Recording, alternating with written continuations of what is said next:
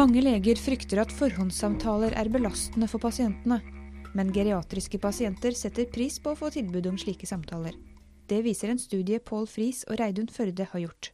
I forhåndssamtalene kan man snakke om fremtidig behandling, ønsker og behov, forteller Friis.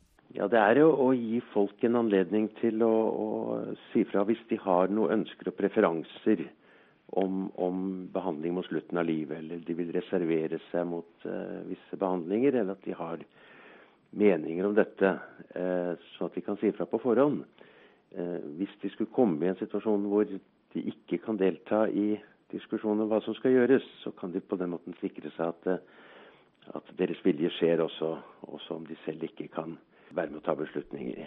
Det er ikke nødvendigvis en du skal snart dø-samtale, mer en realitetsorientering. Det er jo mange gamle som, ikke er dødssyke på noen måte, men som har gjort seg tanker om, om f.eks. begravelse, om arv. Og som også vil ha meninger om behandling mot slutten av livet. Eller det kan være f.eks. før en operasjon. Hvis ting går galt, da vil jeg ha det sånn og sånn, og det er min holdning til det og det. Tidligere studier viser at 60-90% av pasientene ønsker slike samtaler, og de fleste leger er positive, i teorien. Men forhåndssamtaler blir ikke gjennomført i praksis. Mange leger syns det er ubehagelig, og mange tror det er belastende for pasienten. Det kan vel være at, at leger finner vanskelig å finne en god anledning til å ta opp spørsmålet. De føler som at hvis, hvis, dette blir tatt opp på en feil anledning, så er det støtende og belastende, kanskje. At de på en måte vil skåne pasienten fra det. Eh, det kan vel også være at man av og til selv syns det er ømtålelig å ta det opp. Eh, spør du leger eh, så er de etter min erfaring egentlig positive til det, men, men rent faktisk blir det ikke gjort. Friis og Førde ville derfor finne ut hva pasientene selv egentlig syns om å få tilbud om forhåndssamtaler. 58 pasienter ved en geriatrisk sengepost ved Sørlandet sykehus i Kristiansand inngikk i studien. Så dette er, er, gamle pasienter som blir innlagt stort sett akutt, med forskjellige typer sykdommer som gir funksjonssvikt. Mange blir funnet på gulv og, og klarer seg ikke hjemme. Og det er en lang rekke forskjellige sykdommer. Mange har hjertesykdom, lungesykdom, infeksjoner. Så det er, det er gamle mennesker med, med akutt sykdom, men, men, ikke noe dødelig sykdom i den forstand akkurat i øyeblikket. De fleste vil bli utskrevet og, og, og komme hjem igjen. Så det er settingen. Så gjorde vi først en vurdering hvor mange tror vi egner seg for en sånn samtale. Altså, mange vil være for syke eller for medtatt eller, eller kanskje alvorlig demente.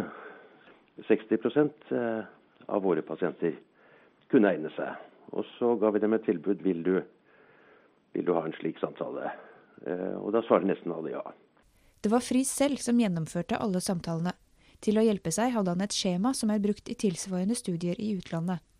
Samtalene tok om lag 20 minutter, og det viste seg at pasientene hadde mye på hjertet. Friis mener det særlig er verdt å merke seg pasientenes syn på informasjon og familieinvolvering. For det første var det jo mange som hadde veldig synspunkter. De hadde veldig mye på hjertet. Spesielt om hvordan skulle beslutninger om dem selv skje. Altså, det var ingen som ville at legen alene skulle bestemme. Så hvis de var i stand til det, så ville de sitte sammen med legen. Så hadde de nokså klare meninger om familien. At de fleste av disse eldre pasientene ville ha med noen i familien, ikke være alene. Hvis de skulle få en eller annen viktig beskjed eller diskutere et eller annet viktig spørsmål om behandling. Men så var det noen som var helt nøye på at de ville ikke ha familien med. De ville være alene med legen. Slik at, at Der hadde folk veldig klare beskjeder, slik at det må man spørre dem om. Eh, det kan man ikke bare gå ut fra at det er sånn og sånn. Så er det en eh, god del av de som har helt klare oppfatninger om, eh, om visse behandlinger. Altså, jeg vil ikke på respirator. Jeg vil ikke eh, opereres flere ganger. Jeg vil ikke ha cellegift. Så det er en del, et mindretall riktignok, men en del som har veldig klare beskjeder å gi, som er, er viktig for oss å vite om. Eh, og så er det veldig mange andre som har holdninger som ikke er klare beskjeder om eh, den ene eller andre behandling, men det er sånn jeg er 92 år, det er ikke viktig for meg å leve lenger, men å ha det godt så lenge jeg er her. Mange tenker på situasjonen med å være pleietrengende og dement. Og Da er det mange som sier eh, hvis jeg blir så dement at ikke jeg kjenner mine egne igjen, så er ikke livsforlengende behandling av verdi for meg. Altså, mange sånne holdninger til behandling mot livets slutt som, som de har på hjertet. Så samtalene fører egentlig til veldig mye utsagn som er, kan være nyttige eh, for senere beslutning om behandling. Legen som hadde utskrivningsansvaret for hver av de 58 pasientene, spurte dem om hvordan de hadde opplevd forhåndssamtalen. Nesten 80% sa det hadde vært en positiv opplevelse. Også for Friis, som hadde alle samtalene, var opplevelsen positiv. Ja, eh, det var egentlig fantastisk interessant. Fordi det virket som det var så kjærkomment å få snakket om disse tingene. Altså For veldig mange så var dette en, eh, en virkelig anledning til å snakke om noe som var viktig og lå dem på hjertet. Eh, og det er tydelig at dette er ikke noe som eh, folk nødvendigvis tar opp i familiene. Altså Hvis ikke helsevesenet tar initiativ til det, så, så, så blir det kanskje ikke snakket om. Eh, og veldig mange syntes dette var veldig interessant, veldig viktig.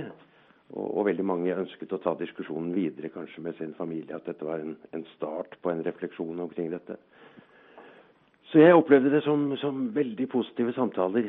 Og interessant som lege, fordi det ga interessant innsikt i hva folk hva folk ønsker. Og, og rent medmenneskelig sett veldig hyggelige, positive samtaler.